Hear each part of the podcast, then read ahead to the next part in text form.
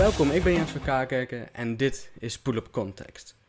Al meer dan een maand houden gewelddadige bendes de VS in zijn greep. Het terroriseert Amerikanen en het maakt dingen kapot. Niemand stopt in het vernietigen van de Verenigde Staten. Dus blijven ze doorgaan. Ze worden steeds sterker. Politici buigen voor de mob. De commercie neemt hun slogans over. Het onderwijskartel voert hun eisen uit. En op datzelfde moment moeten politieagenten aan de zijlijn toekijken, omdat ze niet kunnen helpen. Wekenlang was de vraag: wie zal dit land verdedigen? Wie heeft de ballen om op te staan en het volkslied openbaar te zingen, bijvoorbeeld? Het antwoord op de eerste vraag zijn de Amerikanen zelf. Kleine groep Amerikanen komen nu op voor hun wetten, voor hun geschiedenis, voor hun cultuur. Wat allemaal niet van Antifa en Black Lives Matter is. Dat is van de Amerikanen zelf. Die laatste vraag is vooral symbolisch, maar heeft toch daadwerkelijk waarde. Het antwoord daarop zijn de jonge Republikeinen. Tijdens hun bijeenkomst in New York, waar ze vol vrede betoogden tegen het verwijderen van het standbeeld van de democraat Teddy Roosevelt. Na een gepassioneerde speech van de leider van de jonge Republikeinen klinkt het volkslied. Iedereen zingt trots mee. Zij durven op te staan voor Amerika. Teddy Roosevelt was een van de populairste presidenten in de geschiedenis. Vooral omdat het een moreel kompas was. Antifa wil het standbeeld weg.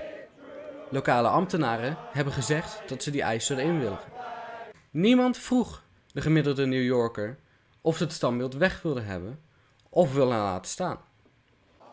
We will see to it that you fall, and you fall so hard, you won't know what hit you. Check your privilege and get back over there. Yo, Whoa, yo, yo, yo. Who are you talking to? Huh? You got something to say, little boy? You got something to say, little boy? No, you don't, do you? No, just Why don't you?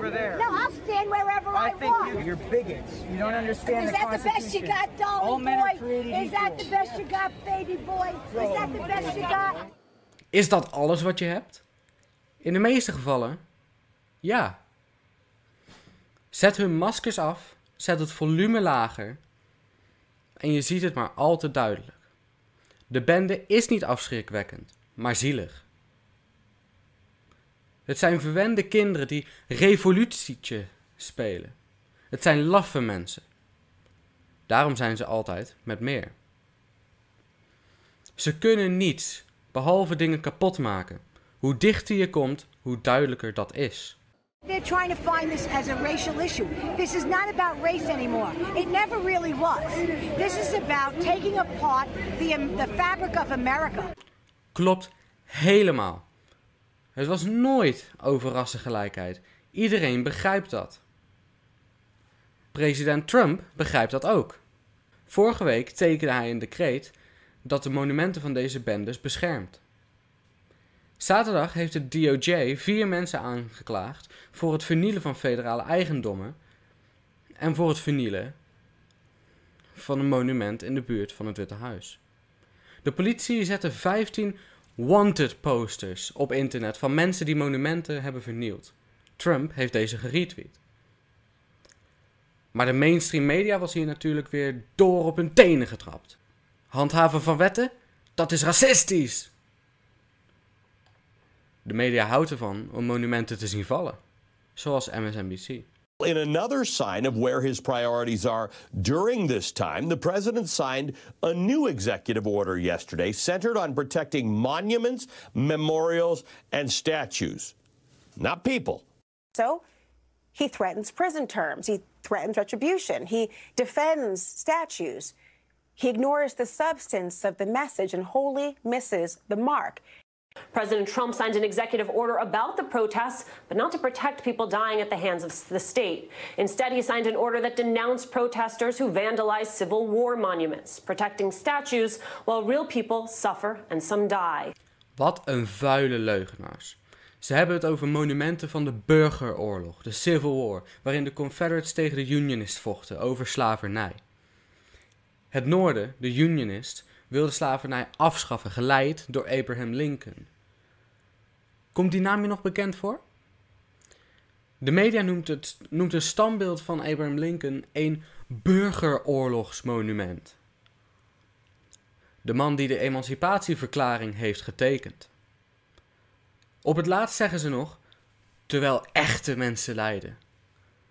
Zullen we even naar een voorbeeld kijken? Patricia en Mark McCloskey zaten gewoon te eten in een tuin. Toen honderden gewelddadige schreeuwende BLM-betogers het stalen hek met een bord dat zegt dat ze niet verder mogen, een no trespassing sign, vernielden en in rap tempo naar hun toegestormd kwamen. Hun waren hier natuurlijk diep door geschokt. Hun zagen de steden om hen heen vernield worden door dezezelfde zogenaamd vreedzame demonstranten. En het is niet dat ze verkeerd hebben geïnterpreteerd. Als ze beweren dat ze op geweld uit waren. Dat hebben ze zelf gezegd. Toen Mark vroeg of ze weg konden gaan, bedreigden ze hem. Ze bedreigden hem met het vermoorden van hem, van zijn vrouw en zijn hond. Ze hebben de politie gebeld. Geen gehoor. Ze hadden geen enkele andere optie dan hunzelf te beschermen. En dat is dan ook wat ze gedaan hebben.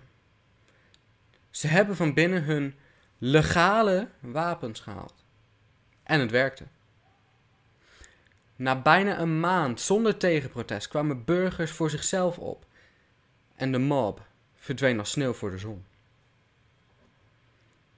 Maar hier eindigt het niet. Het feit dat ze zichzelf beschermden heeft ze in verdere problemen gebracht. Zo krijgen ze nu rechtszaken aan hun broek, omdat ze zichzelf legaal hebben verdedigd. Ze worden van alle kanten bedreigd, en vooral sinds hun adres op internet is gegooid. Hij heeft Mark heeft zijn kantoor in het centrum zelfs moeten dichttimmeren. Er was geen andere keuze. Maar alsnog stond niemand anders op om hem te verdedigen. Niet één persoon. In alle verbazing kwamen we erachter dat Missouri een republikeinse gouverneur had. Een sheriff, een oud sheriff, Mike Parson. Maar Parson heeft geen mensen gestuurd naar Mark om zijn gezin te beschermen van Antifa. Hij heeft ze niet eens even gebeld. En het is niet alsof hij niks kon doen. Hij kon aankondigen dat, zolang hij de staat leidt, niemand vervolgd zou worden voor het uitoefenen van een grondrecht, in dit geval zelfverdediging. Maar de gouverneur deed niets, dus de McCloskeys voelden zich in de steek gelaten. De officier van justitie van St. Louis, de plek waar Mark woont, kondigde aan dat ze overweegt om ze te vervolgen voor het tegenwerken van de mob. De bandity, en vergeet dit niet, dit is heel belangrijk. Ze worden vervolgd voor zelfverdediging tegen een bende die hun wilde vermoorden. Ze heeft beloofd om de volledige macht van de wet te gebruiken om hun te vervolgen voor zelfverdediging. Niet om ze te beschermen van mensen die hen met de dood hebben bedreigd. Oh nee. Ze doen dit om hun klein te krijgen, om hun tegen te werken. De media noemden de McCloskeys meteen, kun je het raden? Racistisch. Natuurlijk. Zoals de Washington Post. Quote, toen in vreedzame menigte van ongeveer 500 mensen door een afgesloten privéstraat liep, had een wit stel uit een marmeren landhuis tevoorschijn kwam iets anders in gedachten. De New York Toilet Paper Times was het hier volledig mee eens met hoe de Washington Post dit geframed had. Quote, President Trump retweette een video maandagochtend van een witte man en vrouw zwaaiend met een semi-automatisch wapen en een handpistool naar vreedzame zwarte demonstranten. Elk woord hiervan is gelogen. De demonstranten waren niet vreedzaam. Als ze vreedzaam zouden zijn, waarom bedreigden ze hen dan met de dood? Ze zullen het er wel naar gemaakt hebben, klinkt het vanuit links.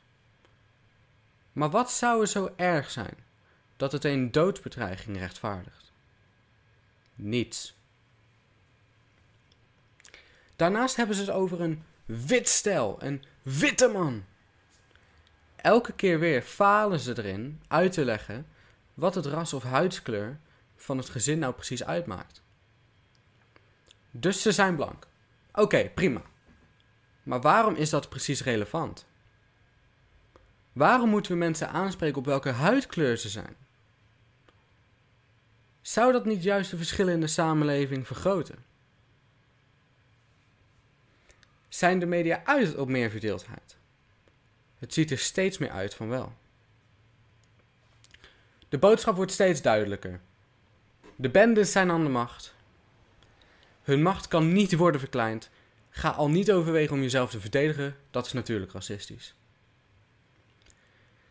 De gouverneur van Michigan heeft nu een decreet getekend dat raciaal gemotiveerde noodoproepen verbiedt. Dit terwijl valse noodoproepen al verboden zijn in Michigan. Waarom doet ze dit dan toch? Angst. De bende zult de macht om iedereen kapot te maken die bescherming willen van de politie. Tegen zogenaamde vreedzame demonstranten. Je kan zien waar dit naartoe gaat. Maar de leiders willen niet met deze regels leven. En zijn dat ook niet van plan.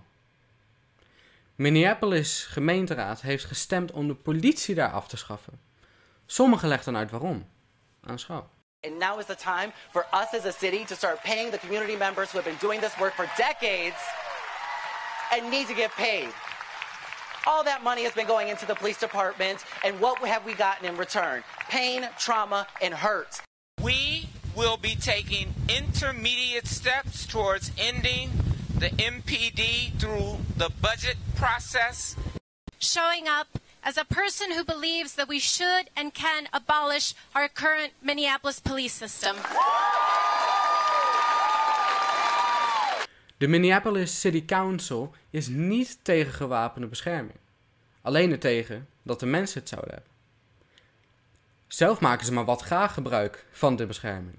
Dit is waarom de drie gemeenteraadsleden die je net zag, door de belastingbetaler betaalde beveiligers hebben aangevraagd en dat ook hebben gekregen. De hypocrisie kan niet groter worden. Nog een fijne dag.